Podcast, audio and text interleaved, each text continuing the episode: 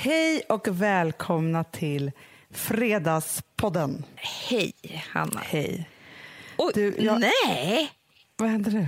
nu sitter jag i skräddarställning Ja. och känner att jag har hål i hela muffen i mina byxor. I mina Aj, nya Stella McCartney. Aj, det är helt sjukt. Hål i muffen. Men Hanna, alltså, vi snackar ett hål som är kanske 10 centimeter. Då tar jag upp telefonen och ringer Gustav. Då gråter jag så mycket. Ja, men jag sa till Alex häromdagen, då blev han så himla arg. Jag bara, jag är inte så säker på om du ska vara med på förlossningen. Nej, Du vet, jag börjar gråta nu för det var så ömt. det var jag också. Det Men hemskt. besvikelsen. Ja, och så fortsätter vi med vår kvinnokamp. Vi är inte ens på samma plats kan vi säga. Nej, jag är hemma och du är, är på jobbet. Ja, Alltså gud vad man är med om i livet alltså. Det är så är, sjukt. jag tycker på riktigt att den här veckan har varit den konstigaste veckan i mannaminne typ. Först allting som hände dig som du ska berätta om. Ja. Sen Trump och sen detta snökaos. Vi måste prata så mycket om allt det här. Ja. För det känns som att allt är en sammandrabbning. Ja. Det var ju så att i måndags så hade vi ju plåtning för vår nya kampanj. ja, som kommer ut 28 november. Ja, den heter Frost yourself, så fina saker. Och alltså, så här, det kom så att både du och jag kom ju från fjärran länder dagen innan. Ja. Så man var ju lite så här, gud jag har inte varit på jobbet på ett par dagar, jag vet inte vem jag är riktigt. Förstår? Nej. man var redan där. Så här, ja. Och så det här konstiga som man går till jobbet på morgonen och kommer aldrig hem. För det är det som hände mig. Alltså, och jag var så ensam med det här också. Alltså det var så sjukt. Och också så sjukt hur man blir när man hamnar inför akutsituationer. Ja. För du lämnade plåtningen lite tidigare. Ja. Precis typ när du har lämnat den här plåtningen, vi står ju där, vi är ett team på kanske 20 pers, liksom, smink och modeller och liksom alla från Perfect Day och stylister och alltihopa. Och jag börjar känna så här att jag har så ont i magen. ja. Alltså ont i magen, magen eller? Nej, men så här, mens, alltså det är typ så här mensvärksont. Fast alltså man har ju inte mensvärk längre som man hade när man var tonåring. Nej. Då kunde man ju ha fruktansvärda smärtor. Ja, jag tycker för sig att jag kom tillbaka efter två barn. Jo, fast inte på samma sätt tycker jag. Alltså man har det ibland, men det är inte det där jag kan inte gå till jobbet mensvärken. Nej, hade nej, du nej, den nej. senast? nej, det har man inte. Då gick man ju på cocktails av smärtlindring. Liksom. Alltså, å andra sidan, Hanna, undrar jag liksom... Jag har haft nu migrän i flera veckor. Jag har så ont i huvudet så att jag kan... Nej, men jag kan ju knappt leva ett liv. Nej. Och sen så pratade jag med en tjej igår som bara, ja, min syster har samma och varit sjukskriven nu i tre veckor. Så Nej. tänker jag bara så här, man är också lite knäpp. man går ju till jobbet ändå. ja. Ja, men grejen är så här, på morgonen var jag ju fullt frisk. Ja, ja, ja. Det ja. här hade inte hänt mig då. Nej, nej, liksom. nej, nej. Så.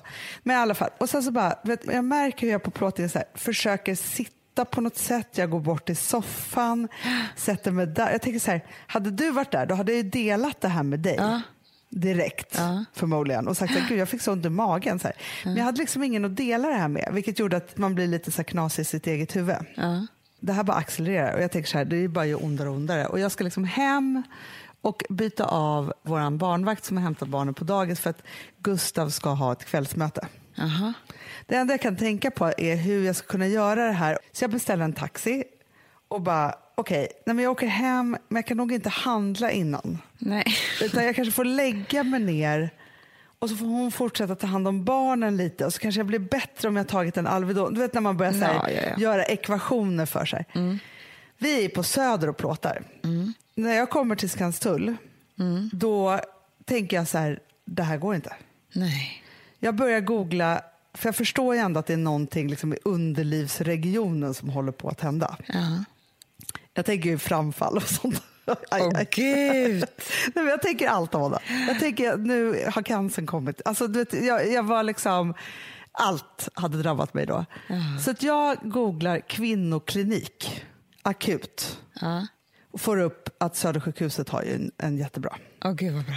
Så jag bara säger till taxichauffören så här, och jag tänker så här, jag kan inte ringa dig och jag kan inte ringa Gustav för jag vill inte heller att taxichauffören ska...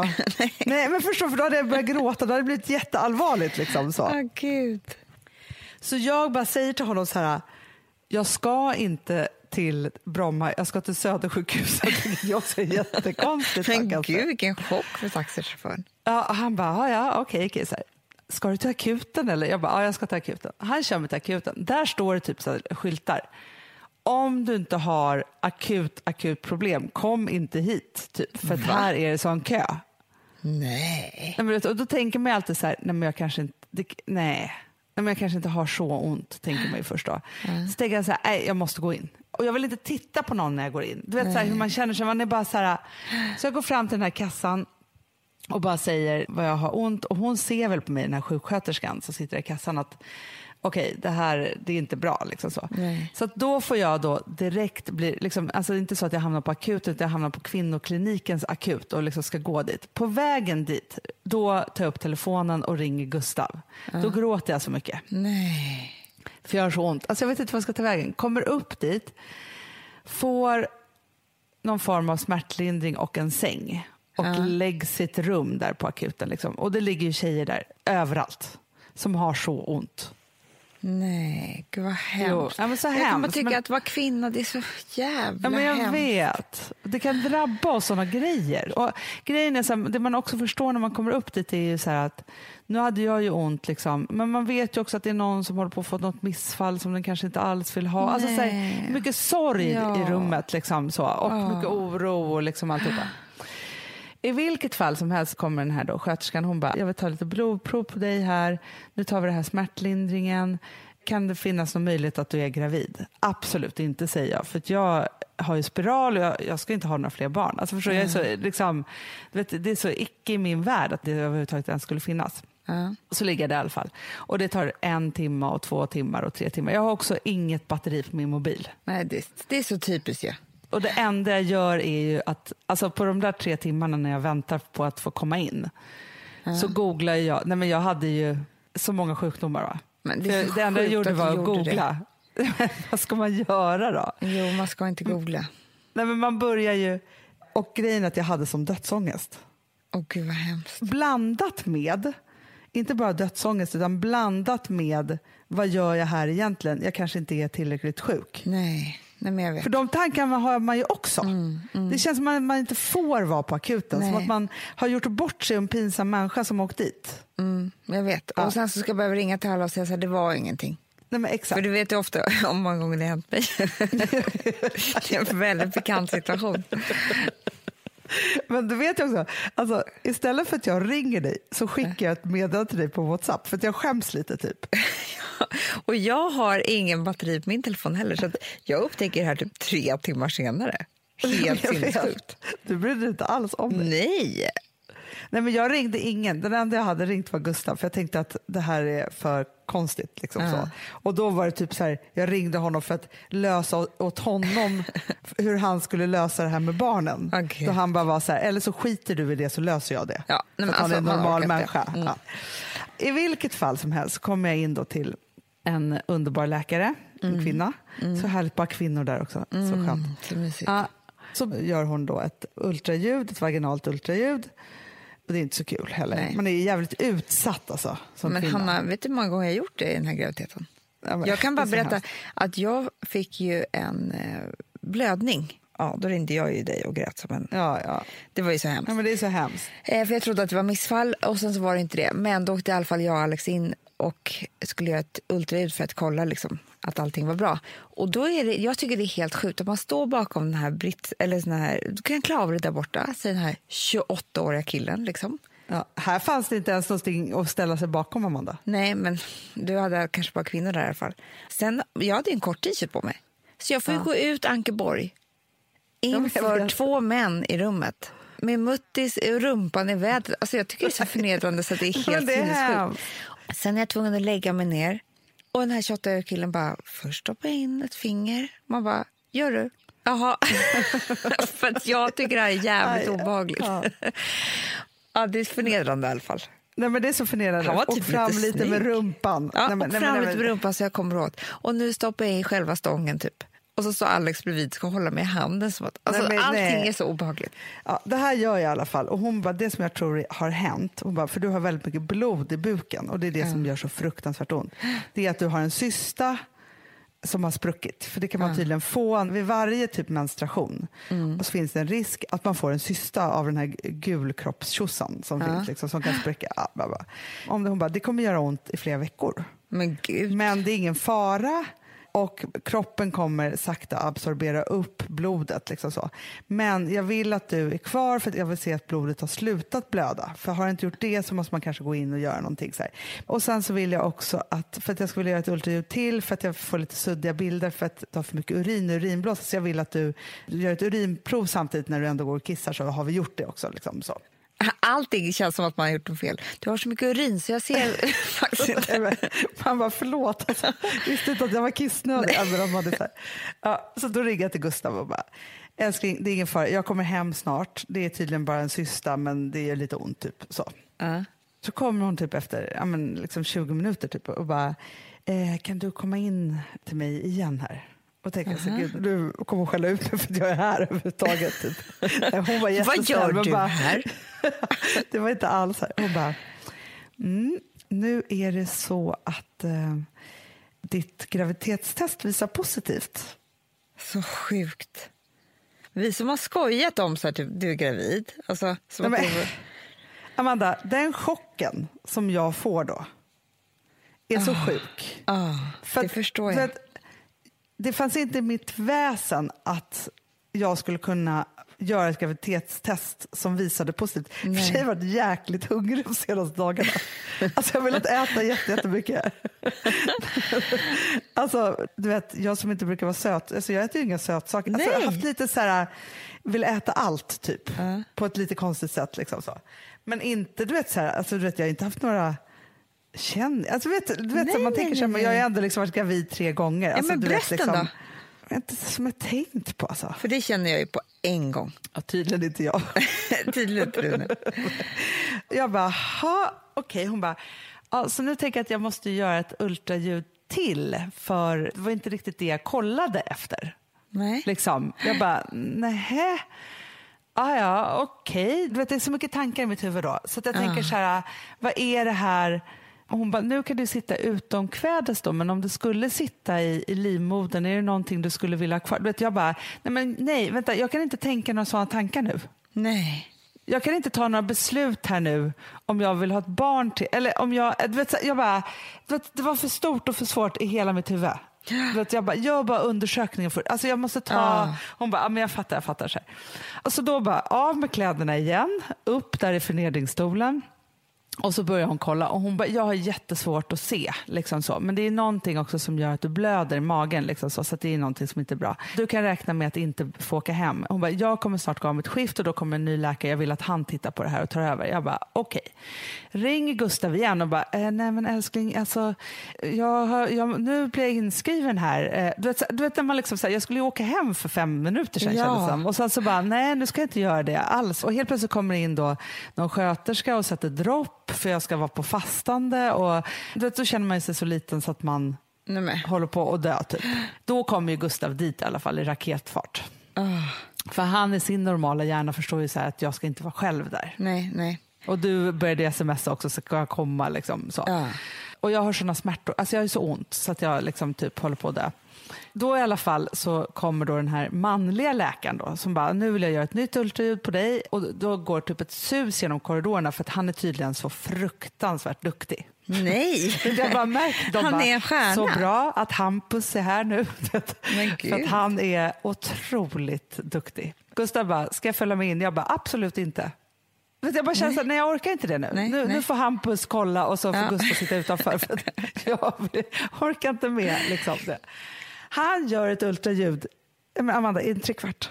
Nej. Han hittar inte min andra äggledare typ. Men gud vad sjukt. För den ligger bakom någonting och det är hit Bakom och vad? Ja, men bakom jävla tar- det är mycket tarmar där också. Ja, gud vad äckligt. Och grejen är att jag förstår det för jag ser där på hela den här äh, skärmen hela tiden att man ser ingenting. Aj, aj. Nej. Alltså, det är bara skuggor och svart. Ja. Vad är det man ska se liksom? Till slut har han bara så här, ja men så här. Det är ett utomkvedshavandeskap det här. Antingen Mm. så sitter det på äggledaren eller så sitter den i bukväggen eller i livmodern. Liksom så. Men man kan inte se det förrän man går in och Men gör vad en operation. utomkvedas i livmodern? Går det? Nej, då är det inte utom kvedes. Nej, jag menar nej, det. Utan, nej. Men antingen sitter den äggledaren, han bara, jag kan inte heller se för det är för mycket blod i livmodern och i Jaha. magen. Han bara, men det som händer är ju att istället för att du har fått en blödning ut i fiffi så har du fått all blod i magen. Jaha. Nu får du ligga kvar här. Det finns lite olika typer av behandlingar av det här. Om du får jätteont i natt, då opererar jag direkt. Ah. Det är också så sjukt att det är han då som ska operera. Men va, ja, jättekonstigt. Och annars så tar vi ett beslut imorgon, för då gör vi Mm. ett nytt ultraljud och så liksom tittar vi på det här. Bla bla. Ja. Så jag hamnar då på någon annan avdelning, inskriven i någon säng och de bara så här, ger mig någon form av dos av morfin. Så jag bara som, jag slocknar. Mm. Liksom så. så jävla skönt. Sen på morgonen kommer ett nytt team då, för då har ju Hampus slut. Hampus är inne där på morgonen, morgonkvisten och bara nu lämnar jag över till ett nytt team, jag tror så här och så här.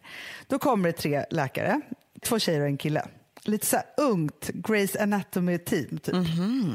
Den ena tjejen hon är så tuff. Hon bara, ah, men grejen är så att jag tänker så här att eh, du kan inte ha så här ont. Vi går in och opererar direkt. Jag skulle också rekommendera dig att vi tar bort din spiral, gör en skrapning på samma gång. Killen bara, ja fast nu vill jag ändå säga att om den sitter vaginalt så har ju du ett val om du vill ha kvar ditt barn eller inte.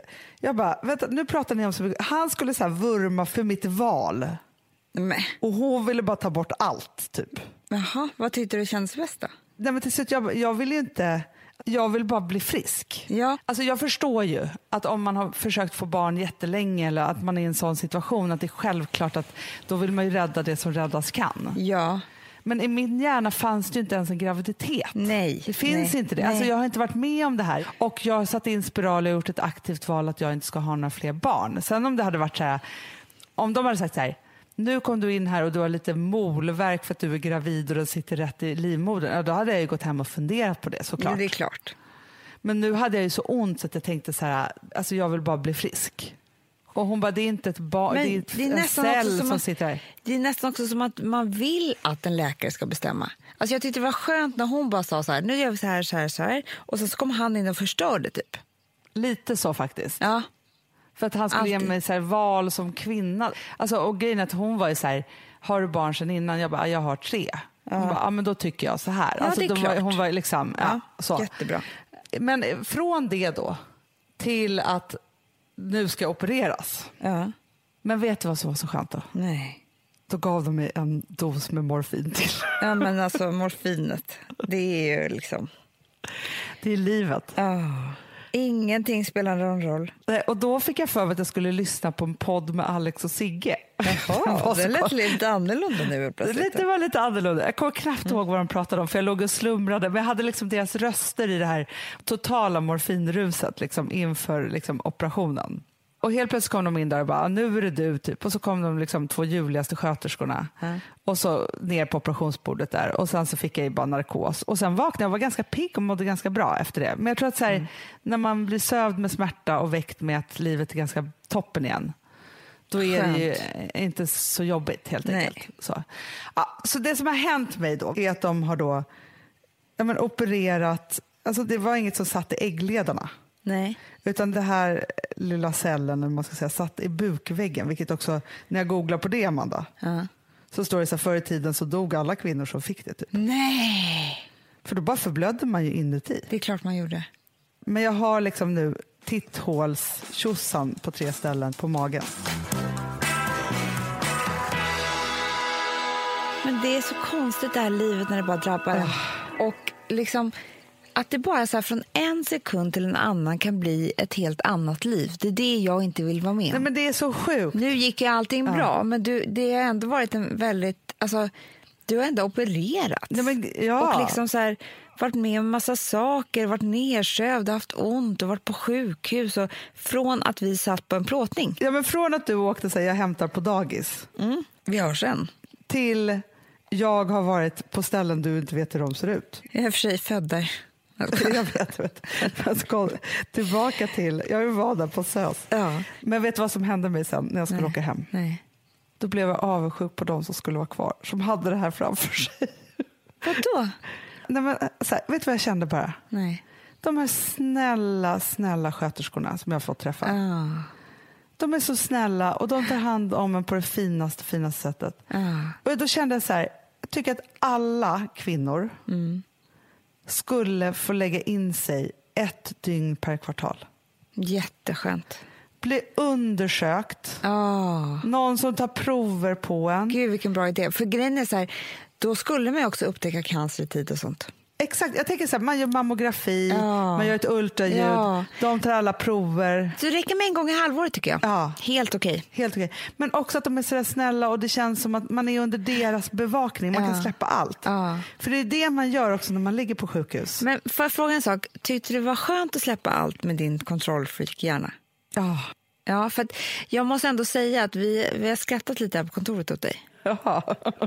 För det är liksom lite så här, alla bara, alltså snälla kan Hanna sluta smsa typ? Nej, men jag, kan jag, inte hon bara, bara opereras och vara hemma i en minut? Alltså, skulle Nej, du... jag var tvungen att jobba. Nej, jo. Hanna, du vet, de sa till mig, skulle du kunna säga till henne? Har folk sagt till mig. Alltså hon måste lugna sig, det här är inte bra för henne. Det går inte, hon måste vila. Jo, men... jag, måste säga, jag vet, men hon är helt dum i huvudet. Så här. Ja, men grejen är så här, jag har kunnat släppa mycket. De Whatsappen du håller på med. Så när jag går in på ett möte då har jag alltså 68 stycken när jag kommer därifrån. Jo, men man måste ju... Un... Nu är jag så pigg i hjärnan. Ja, jo. jo, men det är också en... Alltså, som att ta tempen på din sjukdom. Ja, men jag vet. Fast grejen är så här, jag kan släppa allt, men vet du en sak? För att inte jag ska känna mig så där ledsen för att jag är sjuk, Nej. då är det bättre att jag får vara pigg i hjärnan och jobba. Jag tycker vi ska skapa en låtsaschatt till dig där du kan hålla på. Det är ingen som ser. Det landar ingenstans. Och så kan Nej, du bara skriva av dig. Nej, fast grejen är så här. Det handlar ju om att inte känna sig så sjuk. Nej. Och det är inte så kul att känna sig så sjuk. Nej, jag vet. Fast det handlar också om ditt obekväma tillstånd om du inte jobbar. Jo, fast vet du också så här. På... Du kan inte försvara det här, Hanna. Jo, men lyssna, lyssna nu. Jo, ja. för så här. Jag kom upp efter uppvaknandet där. Så kom jag upp på kvällen där klockan sex tillbaka till min avdelning. Ja. Vet du hur glad jag var att jag hade ett val framför mig? Vad för för då hade val? jag sovit, nej men, ett amerikanskt val. Jaha, du menar ett val, typ ta bort... eh, Alltså, jag vet inte. Nej, det amerikanska valet hela natten. Ja, jo, För ja. grejen är så här, för mig att ligga själv i ett rum på SÖS, då hade jag kanske gått under. Då hade jag ringt dig som en jävla galning och hållit på och behövt åka in till psyket för då hade jag känt mig så ensam på jordklotet. Alltså det som räddade mig den natten Vad valet? var nej, min mobiltelefon, valet som jag kunde ha på så här, och hålla på och slumra fram och tillbaka till. Ja. Ljudet av sköterskor lite utanför som höll på med saker. Men visst är det skönt när de skjutsar omkring en i säng? Jätteskönt. Det, Jätteskönt. alltså, men det är det här jag säger att man måste få åka vagn mer som vuxen. För det är så himla mysigt ju.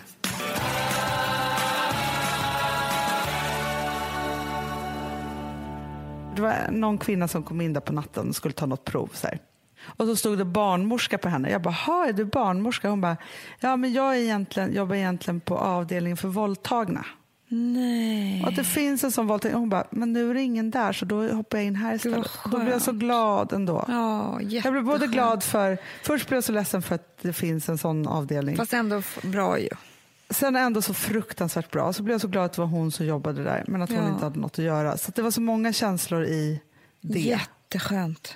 Ja, men de är med om så mycket, de där sköterskorna. Sen tänkte jag också ett tag, det kanske sköterska jag ska bli. Då kan jag hålla på. Du, du tycker det ska bli? För då kan jag hålla på och ta prover och springa mellan rummen. Behöver aldrig vara still. Nej, det är jättebra. Alltså jag tror att man ska ändra yrke. Vid 50 typ. Så himla bra för en. Så jobbigt för mig bara att jag måste plugga upp komvux först. Jag vet, men du får börja praoa. Alltså, jag, jag tycker bara att du börjar direkt. Jag är bara På en egen klinik. människa. Ja, Jag ser också att jag ska kunna sticka in bra. ja det, men jag också. Jag vill Ta gärna sprutor. operera. Jag tror vi skulle kunna vara ett team. Har en egen kvinnoklinik. Ja. Men för det är det som jag också tycker är så fruktansvärt fint. Alltså, även om jag tycker att så här, ja, men vi kvinnor drabbas av saker, man kan bli förbannad på att liksom, utvecklingen inte har gått framåt, att det inte är så länge sedan som det var livsfarligt för kvinnor att föda barn eller överhuvudtaget Nej. ens ligga med dem för då fick de typ syfilis och dog. Alltså, så här, vi har ju liksom drabbats av, av mycket jävla skit. Men sen så ändå ska jag bli glad över att det finns kvinnokliniker på sjukhusen. Ja. ja, men det är fantastiskt. Ett slutet rum Ja, gud där vi blir tagna på allvar och där det finns expertis inom bara det som, som vi har. Ja. ja men jag sa till Alex häromdagen, då blev han så himla arg. Jag bara, jag är inte så säker på om du ska vara med på förlossningen. Nej. För, att, för mig är det ett kvinnorum. Jag tycker Nej, jag det. liksom, Ja. Vad ska du där och göra? Ska jag känna din ångest, att du tycker det är så jobbigt, typ. alltså, liksom, så hemskt att se mig ont? Skit i det. Alltså, det är bättre att jag bara gör det själv då. Exakt. Det är så man kan känna lite grann. Sen kan någon ropa på dig när bebisen är på väg ut, så du får se den. Exakt, men det är under det där, när man håller på med det där jobbet innan, så man är så här, nej då gör jag det hellre själv eller med någon annan. Ja. Men, Nej, men alltså för mig, alltså om du hade varit där istället för Gustav, ja, du, jag, vill, jag du- försökte med Gustav. jag vet, jag vet. Jag, vet. Nej, Jag fick inte. Jag sa så här, du tar barnen, det är bättre att du lägger dem, jag åker dit. Han bara, nej, nej, nej, nej. Liksom, jag fixar med föräldrarna. Nej, Ja, det gick nej, inte. för, nej, för då, du hade ju fått följa med in till Hampus. Ja, det är klart. Ja, men, ja, det, Jag måste också säga att du hade också tyckt, för efter att han hade gjort det Var här snygg, eller? otroligt, nej, nej det kan jag inte säga, men han var väldigt snäll och trevlig. Men det var inte så att han var, alltså han, såg, in- han var inte ful, men det var inte så att han så här, såg så bra ut så att det störde mig på något sätt. men i alla fall, efter han då hade liksom gjort den här otroligt omfattande ultraljudsundersökningen, alltså ska han förklara för mig, då säger jag så här, jag bara, men du, jag har inte cancer i alla fall va? Då skrattar han så mycket åt mig. Gjorde han det? Man vill alltid att någon ska skratta när man frågar om man har cancer. Ja, han bara, nej det har du inte. Jag bara, nej nej, men alltså, det får vara vad som helst, bara det inte är cancer. Nej. Jag bara, ingenting av det här tycker jag är jobbigt, som du säger. Nej. Nej, nej. Man skiter, allt- jag, vet, jag skiter mycket. Alltså bara inte Ja. cancer. Nej, men då skrattade han så mycket. Alltså, du vet, han var, men de är också, för jag frågade också narkosläkare, jag bara, lovar att jag inte kommer dö? Då skrattade hon också jättemycket. Ja, det är också hon så bara, nej, vi ses snart. Så här. Ja. Men, men just också, jag tror att det är viktigt att få ställa de där frågorna. ja, de ställer jag till mig själv idag. Det är det. Jag är ändå glad att de har öppnat upp och kollat läget. Jag vill bara bli uppskuren. Jag vill bara vara på ett sjukhus. Vet du vad Alex sa till mig också? Han bara, jag tycker det är lite konstigt att du så gärna vill till Hanna och jag vet att det är för att du inte vill hälsa på Hanna. Det är bara för att du vill vara på sjukhuset.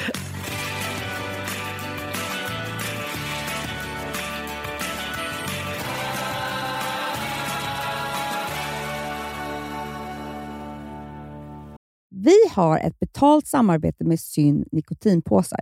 Det här meddelandet riktar sig till dig som är över 25 år och redan använder nikotinprodukter. Syn innehåller nikotin som är ett mycket beroendeframkallande ämne och Syn kommer i olika smaker, styrkor och format. Nu lanserar Syn en helt ny smak inom mint. Syn Slim Cool Frost som har en tydlig smak av kylande pepparmint och mentol. En långsmal helvit prilla. Och enligt 90 procent av 366 vuxna konsumenter så har den en långvarig smak. Läs mer på niko.com och klicka in på Syn. Och glöm inte att slänga din tomma dosa i plaståtervinningen. Du, Amanda, jag är så glad du. För att vi är sponsrade av Synoptik och deras glasögonabonnemang All Inclusive. Du, det här kan jag säga är något för mig. För att, alltså nu, jag har ju galopperande sämre syn. Så är jag med. Jag är ju numera en glasögonbärare. Orm. Alltså alltid. Ja, en glasögonorm. Exakt. Och då är det så här, jag, jag var ju duktig och gjorde ett par glasögon för några år sedan. Men tror du att de håller stil, styrka eller, eller att de är sönder? Ja. Alltså, det är Nej, men- liksom, de måste ju bytas ut. Det är ju inte så att man kan skaffa ett par för resten av livet. Nej, nej, men här, om du då har synoptik all inclusive så är det så här att då kan du byta ut ett par per år, vilket Mm. är otroligt, vilket man verkligen behöver. Sen är det också så här, när man är då en sån som jag, som är så här, ja men nu måste jag ha glasögon hela tiden. Jag vill inte ha samma glasögon varje dag. Det är som att ha samma kläder varje dag. Det vill inte Du, heller. det är det. Nej, då vill jag ha så här, de här balla som jag har till det här och de här eh, som jag har till det här. Och sen också så här, tonade glas. Mm. Alltså nu är det sommar också. Så här, ska jag ha dubbla glasögon då eller? Alltså, Nej, det är förstår, inte jag behöver liksom, nej. Och då kan jag få hjälp med allt här. Och det som också är jättebra, för att jag har ju ett barn. Jag har flera barn. Men ett Mm. barn som älskar att ta mina glasögon och typ slänga iväg dem. Och då är det så att all service ingår. Som fria glasbyten. Men och synundersökningar, Hanna, för min blir sämre. Jag måste göra en ny synundersökning. Alltså, det här är så Ja. bra. Allt det här är inkluderat i en fast månadskostnad från 90 kronor i månaden. Inga oförutsedda kostnader. Nej. Dessutom så får du alltid 30% på alla glasögon och solglasögon när Mm. du tecknar ett synoptik all inclusive. Läs mer och boka tid på synoptik.se. Det här är så mysigt. Mm, Det här är mitt mysigaste. Mm. Alltså Polarbröd, älskade Polarbröd som vi sponsrade av.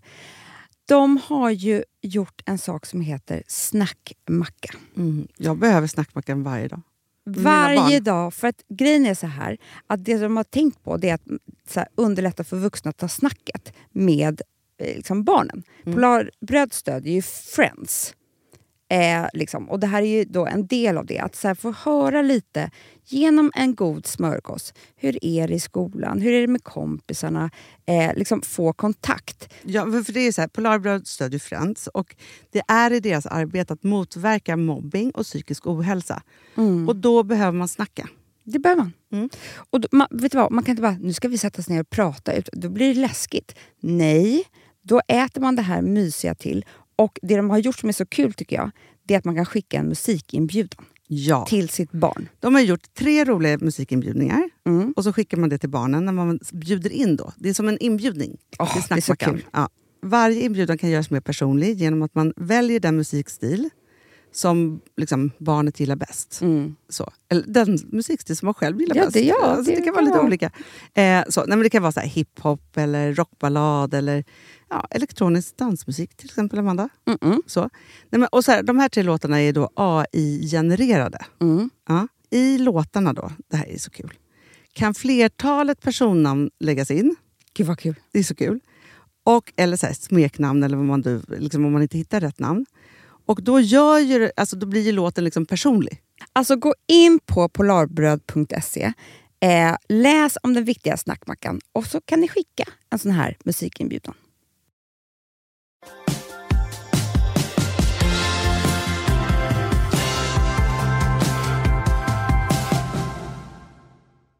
Redan förra veckan var liksom ganska knäpp tycker jag. Turbulent. Ja. Hela min onsdag och torsdag är helt sjuk. Nej, men alltså att ni missade planet till Dubai. jag vet. Det var ju där det började. Det var, nej, det började med, Hanna, att alltså Anna Kokotås som sminkar oss, Ja. hon jobbar ju på Skavlan Just det. och sa så här, nu kommer Marcus Martinez, det är ju Charlies absolut största idoler. Och Även Vilmas dina och barn, Rosa, ja, såklart. Och alla andra hu- hundratusentals tjejer. De kommer hit om ett par veckor, ska ni inte komma och hälsa på mig på jobbet då? Typ, liksom. Mm. Så här skitgulligt. Jag bara, absolut. Och sen så kommer vi dit och vi skulle vara där klockan 2.30 och redan då är det så här, gud vad det är konstigt. Alltså det var liksom massa mer säkerhetsvakter, det var liksom, alltså vi har ju varit där förut och sminkat oss och sådär när vi ska göra någonting. Ja, ja, ja, ja. Så det, det, det har liksom inte alls varit så, men det var liksom en, annan konstig stämning. Och ganska snabbt så får vi så här, nej, ni kommer inte få vara i sminket när de är i sminket och du vet, ni får sitta utanför, ni får inte vara i den här avdelningen. Alltså jag började känna så här, gud vad det här är fel att vi är här egentligen. Liksom. Ja. Och hade Charlie inte längtat efter det här i fyra veckor och pratat om det här dag och natt, då hade jag bara tagit barnen därifrån, såklart. Men det gick ju liksom inte riktigt. Alltså förstår hela hennes klass, hela fritids var engagerade. ja men såklart. Du förstår. Ja, ja. Hon skulle ju ta autografer till alla. Alltså, Ja. tjejer på hela fritids. Ja, så vi blir hela tiden så här, men ni får sitta här, ni får sitta här. Alltså det var så mycket som var going on där, så det var helt sinnessjukt. Och de som jobbade med Scout, de var ju chockade själva, för att alltså, de har ju världsstjärnor där. Alltså verkligen. Alltså det är ju aldrig så, så att det är så här. Liksom. Nej. Och timmarna går. Alltså vi sitter och väntar och väntar. Och till slut börjar jag säga, men Charlie, det kanske inte blir något. Liksom. Hon bara, vi väntar, vi väntar. Har du Frances också med idag? Ja, Frans är med också. Men hon Ja. låtsas ju bara gilla dem. För Charlie, Ja, ja, alltså hon ja. Ja, fattar ja. inte riktigt. Det är ju, alltså vi hade gjort frisyr, Hanna, i timmar. Alltså du vet inte. Ja, nej. Att vi hade köpt ny klänning. stor dag. Ja. Alltså, allt skulle stämma. Och hon hade liksom rådfrågat mig en vecka exakt hur tofsen ska sitta, hur jag tycker. Alltså, du vet. Ja. Och sen så då, då så, nu har vi varit där i tre timmar, Hanna. Tre timmar har vi varit där och ingenting har hänt. Vi bara sitter i en soffa. Och sen så är det liksom en glasdörr som är så lite öppen. Och innanför det är sminkdörren. Och där är de nu och sminkas. Och utanför det fick vi vara. Fast dörren är liksom öppen. Och jag bara, men vi kanske ska försöka liksom bara fråga. Det var den här bilden som var så viktig. Ja, ja, vi kanske ska försöka fråga om en bild när de kommer ut. Jag sätter mig i den där soffan. Liksom. Charlie står upp, Hanna, tyst, i glasdörren i en timme. Och titta på dem. Nej, alltså vi ser inte dem, utan väntar på att de ska komma ut. Ah. Nu pratar vi om att vi har varit här i fyra timmar. Och Gud. hon står upp i en timme vid den här glasdörren. Helt plötsligt kommer de ut. Och då ser jag Charlie. Det är alltså den modigaste, modigaste, modigaste typ tjej jag sett. Frågar, hej, får jag ta ett kort med er? Med sin lilla röst, liksom, men hon skriker ut det. Ja. De bara säger, nej, inte nu, och så går de. Nej. Och Hanna, det ansikte jag såg... Alltså, du vet, jag börjar gråta nu, för det var så ömt. Ja, men jag också. Hemskt. besvikelsen hon hade i sitt... Alltså, för det första hade hon ju varit så modig. Ja. Och i fyra timmar stått där. Och blev så avvisad. Men att de inte kunde bara tagit ett kort med henne. En sjuåring, Hanna. Alltså, hennes ansikte när hon vänder sig om till mig. Den men- gråten som kom. Alltså, du vet, hon, hon föll ihop i min famn. Alltså, och jag grät. Förstår du? Jag tyckte det var så hemskt. Alltså, jag ville bara slå de där jävla ungarna. Förstår du? Verkligen. Det var så hemskt, så hemskt, så hemskt. Jag har aldrig känt sån ömhet för typ... För att jag vet hur det där känns. Ja, men, alltså att få så den där avvisningen. Det var ju hennes idoler också. Ja, men det är så hemskt. Det är det värsta jag har hört. Så nära och så fråga och så få den där avvisningen. Alltså den besvikelsen. Nej, hon har inte nämnt dem sen dess. Nej, men jag förstår det. Alltså för Rosa visste jag att det här skulle hända för vi skulle ju åka till Mallorca då samma dag så det var ju så här, Ah. vi kommer inte kunna göra det här. Och Rosa hon bara, men har du pratat med Amanda varför har inte Charlie lagt upp någon bild? Och, alltså det var så mycket. Nej. Hon förstod också runt den där bilden att liksom, Ja, men jag visste ju att alltså, Charlie kan inte komma tillbaka till fritids. Det var ju alltid det här. men varför kunde inte de stanna i fem sekunder? Nej, de är larger than life. Alltså, du vet, mitt hjärta brast, Hanna. Alltså, det gjorde så ont. Jävla skitungar alltså. Ja, och jag bara tänkte på den här framtiden man ska ha med att ha döttrar som blir, eller kanske söner också, som blir avvisade av liksom den stora kärleken. För det var ju det som hände. Men samtidigt så tror jag att det där är värre på något sätt. Alltså förstår det är klart att man kommer vara med om hjärtesorg hit och dit. Så här. Men då kanske man kommer få förklaringar, man kommer förstå, det kommer vara Ja. liksom på olika sätt. Men den där att bygga upp så mycket förväntning och sen så, Ja. och just också man har sagt till alla och liksom, alltså så här, det är så mycket som det är står på spel. mycket. Och frågade dem också. Men, du vet, förstår hon hade laddat. Ja. Nej, det var så vidrigt alltså. Och sen så kommer vi hem och då ringer de bara Hello Mr Schumann, waiting for you at the airport in Dubai. Fan alltså. vi bara no, we're arriving tomorrow. Liksom lite så här kollar. Nej, men då har vårt plan liksom gått för flera timmar sedan. Äh, så sjukt alltså. Men äh, du som också sa till mig flera gånger så här, det är så konstigt för det känns som att jag ska, ska åka på onsdag. Jag bara, ja, alltså jag vet inte. men, men jag har tänkt på det här mycket, Amanda. Jag har ett förslag. Ja. Och det är att ni ska börja utnyttja mitt kontrollbehov. Ja. Så jag bara får vara projektledare för era resor. Ja. För det är inte första gången. Nej, men alltså, vem tar fel på en dag? Nej, men, Det är ingen som gör det. Nej, men nu har ni gjort det två gånger. En gång åt ett håll och en gång åt ett annat Ja. håll. Så jag tänker så här, varför står inte det i vår gemensamma kalender när ni ska åka? Exakt. Men grejen är jag tycker Alex har hållit det här hemligt för mig också. jag har varit så här, typ när ska vi åka? Eh, och han bara, bryr dig inte. Det var faktiskt verkligen bara hans fel. Men för jag tycker så här, så fort ni har bestämt någonting i er familj som är lite större, som rör barnen också tänker jag, för jag tänker mest på dem faktiskt. Ja. Då drar någon av er ett sms till mig så att jag kan lägga in i kalendern. De vet ju fortfarande ingenting. Charlie undrar ju varför vi, varför vi åkte till ett ökenhotell på natten och checkade ut på morgonen. det är faktiskt så jävla sjukt. Det tyckte hon var lite konstigt. Ja. Men då sa vi att det hade blivit något fel på hotellet. Ja, det att kan man säga. lämna. Så att det var ju värre när vi skulle åka till Thailand. Åkte ut till flygplatsen på kvällen för att se att planet gick ju imorgon. Och fick åka hem igen och göra allting imorgon. Ah. Men sen är det någonting med att, och det här pratar jag om i podden år efter år efter år. Men jag har inte med lucken på, Nej, men Amanda, nej, fortfarande inte. jag har inte jag heller. Nej, Semesterlucken, jag får aldrig till det. nej, jag vill verkligen öva på den. Jag kommer att ha den på största allvar nu. För att Men, nu... Amanda, men vi har övat på den så mycket tycker jag de senaste åren. Alltså, vi har ju försökt tvinga oss till saker, bestämt grejer.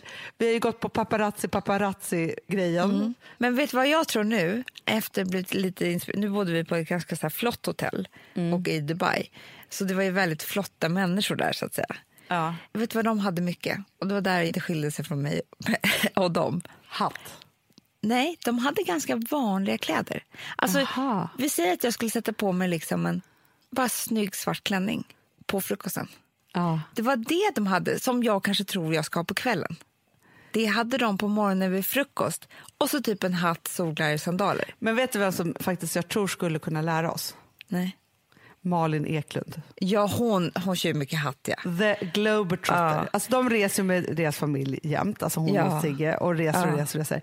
Och varenda bild som hon tar på sig själv, på här, för jag kan knappt ta kort på mig själv för att det är som ett pinsamt skämt. Men jag vet. För att jag Nej, men- tappar stilen helt.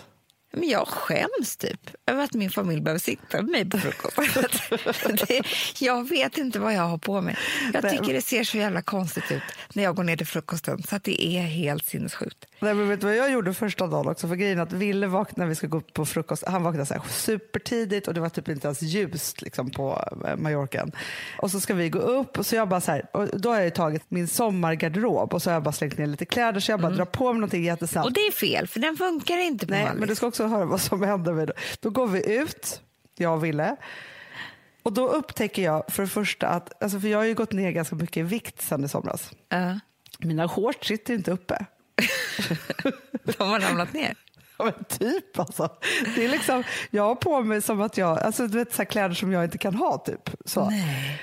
Inser också att jag inte tagit med mig någon nyckel så jag kommer varken in i vårt rum igen, alltså vi har sån här de family här, och då är man tvungen att gå in först i en gallergrind och sen i vårt rum. Ja. Och jag kommer inte än in på hotellet för det har heller inte öppnat dörrarna.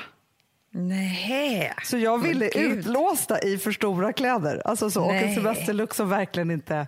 Ja, som tur var kom det någon morgonsimmare där så vi kunde gå upp och äta frukost. Men det var ju tur. Men alltså Gustav när han såg mig, han bara, vad har du på dig för något? Men sen måste jag bara berätta om en bok jag läste Nej. som heter Om ett äktenskap. Det här har jag hört talas om. Ja, den är väldigt omtalad. Alltså det är en person som heter Geir, nu kommer inte jag ihåg vad han heter efternamn. Nej, nej. För det vill man, man vill ju aldrig ha full information när man Nej, man, man vill fortfarande att folk ska ha kvar någonting att leta efter. Ja, att upptäcka själva. Men han är ju då typ en väldigt duktig förläggare typ i Norge. Typ kompis med Knausgård. Ja, ja, ja. Han har skrivit en bok om när hans fru lämnar honom för en annan. Aha. Här låter allting helt okej, eller hur? Ja. Men det är det inte. För att alltså, den är totalt utlämnande mot henne. Nej. Alltså, jo, jo, hela deras äktenskap. Alltså, I detalj hur de har sex. Alltså, de har två barn, alltså ganska Gud. vuxna. Liksom. Och han har skrivit en typ från hennes perspektiv. Hur hon känner om saker och ting. Nej. Eh, Jo, och beskrivit liksom varenda scen med den här nya mannen och alltihopa. Och det här har blivit en jättegrej i Norge. Hon har gått ut och rasat. Hon är liksom Såklart. läkare och är så här, det är ju liksom typ ett brott tycker hon. Och han tycker då inte det. Och, eller hon i alla fall vänder sig på, för den har blivit så otroligt hyllad. Den är ju väldigt bra och otroligt välskriven. Men hon bara, folk bara hyllar den här boken och vinner priser, men det är liksom ingen som tänker på mig. Nej. Att mitt liv är förstört, typ. Hon bedrog ju också honom. Ja, men när man läser boken så tycker jag liksom att... Grejen är så här, det här tror jag är så livsfarligt. Han har ju väldigt mycket sex fantasier slash lekar slash liksom tankar om hur Mhm. sex ska bli spännande. Och det som han verkligen kan går igång på det är att hon ska ha sex med en annan man. Mhm. Och de ska liksom... Eh, Svinga lite. Nej, Typ. han ska Nej. titta på typ. Eller han ska nästan vara så utelämnad från det här. Det här beskriver han ju hur han liksom pratar med henne om så fort de har sex och allt vad det nu är. Och sen ska han typ slicka av den här mannens... Allting som har varit inne i henne ska han slicka bort. Förstår du? Lite knäppt. Ja. Ja. Så att han uppmuntrar det här hela tiden. Och vill liksom att hon ska träffa någon som, som kan liksom göra slag i saken vad det gäller deras, eller hans sexfantasi. Och det händer ju, och hon blir kär i den här killen. Såklart. Såklart. Ja, men det är inte bara så här kroppsligt Nej, som det är, utan det händer ju grejer om man gör grejer. exakt. Och att hon... Han liksom fortfarande hon, fast de, de, först handlar det inte om sex utan de så här joggar, hoppar, åker skidor och alltihop. Och han bara, kan det här vara något typ? Liksom. Hetsar Uppmuntrar henne. ja lite. Så att eh, hon är liksom inte the bad guy i boken. På ett Nej. sätt kan jag nästan se igenom i alla fall. Och det händer att folk skiljer sig. Och det händer att folk träffar någon. Alltså, allt det här kan ju faktiskt hända. Det är bara Absolut. det, var går gränsen för vad man får skriva i en bok och inte? Mm. För det är ju det. Fast grejen är så här, om han hade skrivit det här från hans perspektiv då hade jag tyckt så här, varsågod du får äga din historia och det är klart att du får skriva den här. Men jag tycker att det är ett övertramp att han skriver från hennes perspektiv. För man tänker på Martina Hags Ja. bok, det är något som inte stämmer. Då beskriver hon ju känslan om hur det är att bli lämnad, att bli otrogen. Eller att Ja. någon är... Det han gör här det är att han utlämnar hela deras äktenskap. Alltså exakt hur de har sex med varandra, exakt hur de har... Är inte det något annat? Jo, det är det. Fast vet du vad jag tror? Så? Jag tycker att det här låter som en knäppis. Så han går ju själv igång på att utlämna hela deras sexgrej. Jag vet. För att hon då har gått ut och, och skrivit krönikor om och så här. Det, och det är det här man kan diskutera. Det är ju att hon är ju läkare. Och hon Ja. bara, jag har tystnadsplikt med mina patienter. Hon tycker typ att det vore samma, skulle ha samma sak med äktenskap. Ja. Att liksom det här delar vi, det är det mest intima. Sen om det har hänt någonting, vi säger att någon har varit dum eller slagit någon eller varit otrogen, det är klart att man skulle kunna äga den historien och få berätta den och beskriva den händelsen. Men jag vet inte, jag förstår henne på ett sätt. Ja, fast grejen är så jag har ju varit väldigt frispråkig med mitt förra äktenskap till exempel. Jo, fast du har ju aldrig Eh. beskrivit hur ni levde ihop eller hade nej, sex. nej, nej. Eller... nej men, och det är det jag vill komma till. Att det, är så här, det handlar ju om, alltså så här, där jag har varit frispråkig, men det handlar ju om saker och ting som jag utsattes för. Och min anledning varför jag har berättat det är för att försöka hjälpa andra att inte behöva bli utsatta för det. Men jag skulle aldrig någonsin berätta i detalj om vårt äktenskap. nej, nej, men det är det som är skillnaden tycker jag. Men det är lite som att bli utsatt om vi säger att man är ihop med någon och så har man spelat in sex videos då Ja. För eget privat bruk, alltså för bara så här, det här ska vi ha. Ja. Helt plötsligt är de ute på nätet. Nej, men precis. Det är lite samma sak. Förstår du hur hon mår idag? Men det är ju någonting också med det här att alltså, vi lever ju i en väldigt transparent tid nu. Ja. Och det transparenta är ju ofta det som får pris också. Å ena sidan så blir det lite så här, för du och jag är ju tydligen transparenta på fel sätt då, inför finjournalister. att det är så här, ja, hur känns det att vara så utlämnande? Nej, men jag vet. Eh, och alltid får den där frågan. Sen finns det ju de som är så här, nej men jag är författare och nu skriver jag bara liksom allt. Så naket, så naket, så naket. Och då får man litteraturpris. Ja. Så det är lite skevt i det där. Men, men jag tänkte också så här, för att jag, apropå från det här till, till valet, amerikanska valet. Mm. Det är väldigt skönt att vara gravid när något sånt här händer.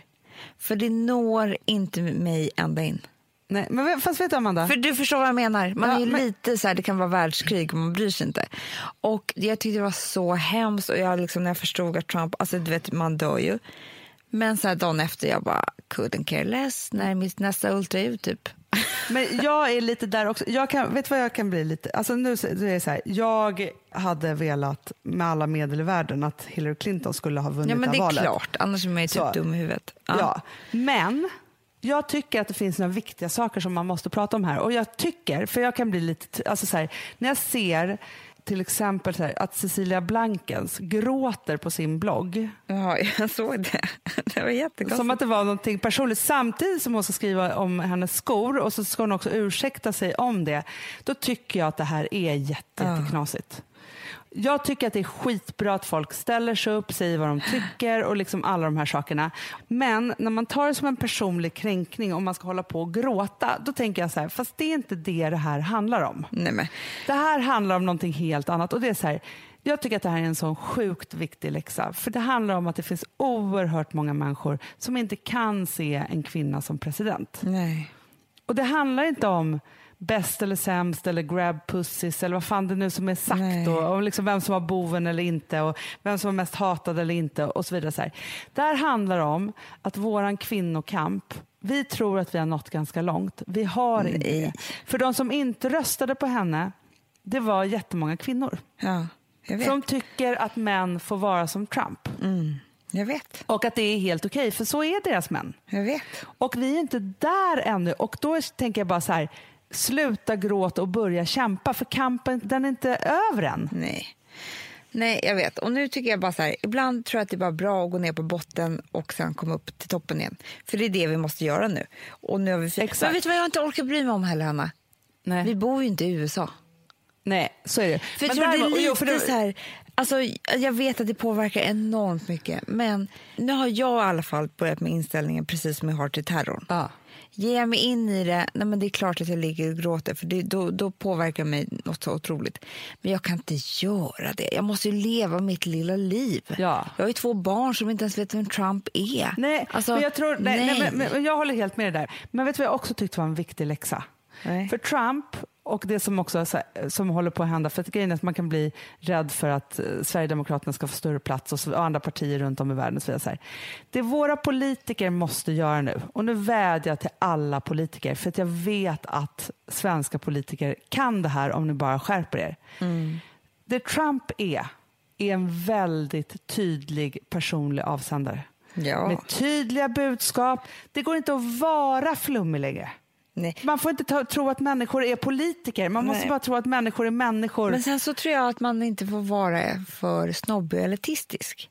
För att där tror jag att det är många som känner med Hillary, liksom, att hon är inte är en av oss. Nej. Nej, Hon har fått otroligt mycket kritik för att hon är det här Washington-etablissemanget. Ja, exakt. Och så tror jag liksom, det skulle kunna bli med våra politiker också. Men jag tror inte att Jimmy Åkesson skulle vinna ett val. Däremot Bert Karlsson. Ja, det är det som vi måste tänka på. Men det enda jag känner är så här, jag orkar inte slå upp Instagram för att någon ska gråta eller en svart bild. Gå vidare nu i livet. Alltså, förstår du? så känner jag. Ja, ja, ja, det kanske är för att jag är gravid. Nu måste vi gå vidare i livet. Nu är han president, jättekul. Hej då. Ja, och så Alltså- fortsätter vi med vår kvinnokamp.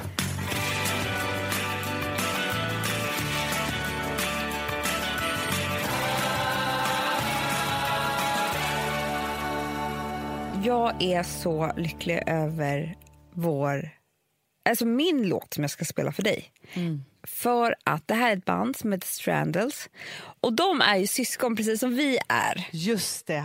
Kanske därför man tycker så mycket om dem. Ja, ja, ja. ja. Vi kommer nu att spela deras debut-EP. Alltså vi som har sådär borst, har du testat i maskinen nu? Snart är det jag som kommer lägga upp en limpa på Instagram. Är det så? Ja. Är det så?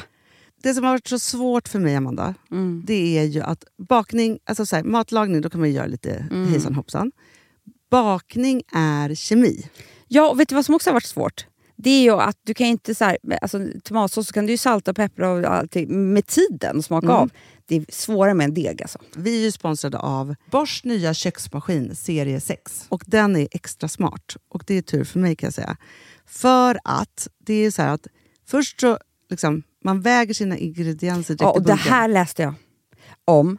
För det var något recept jag skulle göra. Det var så här, ta inte med decilitermått eller så. För att det blir inte samma. För då trycker man... Det är inte, det är inte samma vikt. Nej, Alltså, det kan bli liksom det kan en hel deciliter fel hit och Ja. dit. Alltså, så. Ja. Men då gör man ju det så här, Det är ett geni av- ovanpå maskinen. Ah. Så mysigt, man känns så duktig. Sen finns det en integrerad timer. Ah. Och då är det också så här, alltså för, förstår du, för det här är så här, alltså de som bakar mycket är väl så här, ja man har en hushållsvåg. Jag har aldrig haft det än. Nej, men också Hanna, det här som, jag har alltid tyckt att det är så svårt typ, att vispa äggvita. Jättesvårt. Det är för svårt. Men det behöver inte jag kunna, för det kan min serie 6 köksmaskin från Bosch. Ja, nej men alltså, den är underbar. Hörrni, det är också så här, att, för det här är ju eh, en jättebra investering. Men just också eftersom det är en investering och man vill verkligen att det ska funka så är det så bra för man kan prova 100 dagar hemma med Mm. fri returrätt. Mm. Så. Alltså för att Bosch de är så säkra på att du blir nöjd. Så de Ja. kan erbjuda det. Och jag tycker verkligen, eh, alltså nu när ni ska möta våren, in och läs mer på Bosch köksmaskin serie 6 och köp den hos Power.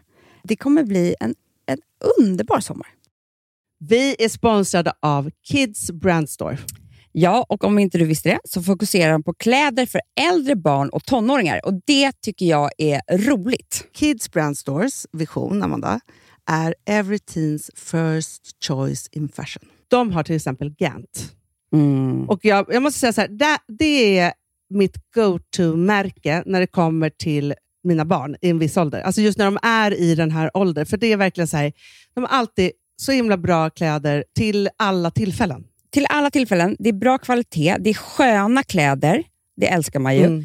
Och det är så här, nej men då, när man har ett så här, ja, men en fin liksom, Gant t-shirt eller hoodie, du behöver inte tusen. Du behöver bara liksom, de där få, för de, du tar hand om dem och de liksom håller och de är snygga jämt. För att nämna lite andra märken också, så har de ju då Ralph Lauren till exempel, de har Sail Racing och massor av annat fint. För Jag tipsar också, för här, nu när det blir vår, då är det ju också så att man, alltså ens barn har ju, eh, och tonåringar har ju skolavslutningar och de har, alltså det är olika, så här, ja, men du vet, man ska gå på någon student och man ska si och man ska så. Och så har de ju Gant, så fint utbud av linnekläder för alla de här tillfällena. Det är ju så att en snygg linnebyxa är ju sånt himla bra plagg eftersom det dels kan bli en uppklädd look eller bara lite mer casual, beroende på vad man stylar den med. Men är det inte också väldigt bra, jag menar, det är ju också många barn som fyller år på våren, alltså att det, det här Jo. är också de bästa presenterna. För det kan liksom inte gå fel med ett Gant-plagg från Kids Brand Store. Det är liksom, Kids Brand Store, de har, eftersom de har handplockat från alla kollektioner och har liksom så otroligt bra märken och sådär, så är det liksom nästan som att man kan gå in och shoppa med sitt barn eh, Mm. på nätet och det är en mysig stund. Att så här, önska, Ja. skriva önskelista och vårgarderob och eh, ja, investera i Jättebra. kvalitet och färre plagg än att köpa massvis. Hörni, besök kidsbrandstore.se. Av dig och mig så kanske det är jag som är gladast över att vi sponsrar Prima Dog. Ja, alltså jag är glad för din skull. Eller för Fonzys skull. Jag, alltså jag tänker så här att Fons är gladast. Ja, Fonzie är gladast. Ja. Det är faktiskt en grej med, med alltså en hund. De blir så glada när de får gå ut och kissa och bajsa eller äta. Det är ju deras två glädjestunder. Ja, gud Ja. ja. Och när man inte ger dem liksom god mat, eller du vet, mat så att de antingen inte kan bajsa också, deras Nej, det- andra det- glädje, ja. du vet, då, då tar man bort 50% av Mm. deras lycka. Prima Dog de vill ju att alla hundar ska få leva ett långt och aktivt och glädjefullt liv. Och det är ju maten en stor del av. Mm. Så, så de har liksom skapat produkter som är snälla för magen. Mm. Så att din hund ska må har bra. ju jättekänslig mage. Ja, och Extra du som är, det är också så här, om Fonzys mage mår bra, Mm. då är du också glad som hundägare. Mm, för de har också spannmålsfria alternativ. Mm. Gud, det ska jag testa. För det är för extra känslig mage. Mm. Taste of Nordic Happiness. Alltså, det är ju deras line. Ja, men det är så fint. Deras eh, hundmat innehåller alltid mycket kött Mm, mm. och alltid fritt dem. från vete. Ja. Jag skulle vilja ha samma diet. Ja, ja, men vi kanske kan äta. Det kanske är lika gott för oss. Ja. Alltså de brukar, Prima Dogs produkter finns ju oftast i, i din lokala matbutik. Men ni kan också hitta återförsäljare online. Så att ni går in på primadog.se så hittar ni allting där för er lilla vovsi. Så bra.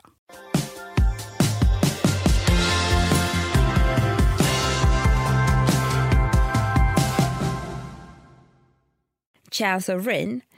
Och den är helt så otroligt bra, tycker jag. Jag tycker att den är så härlig. Det är en härlig känsla för helgen. Liksom. Så här har ni Chance of Rain av Strandals. Och vill ni kolla in dem på Facebook och Instagram så kan ni göra det. Puss och kram, hej då. Puss och kram. Ha en underbar helg. Hej. We can burn as broken stars. We can rise up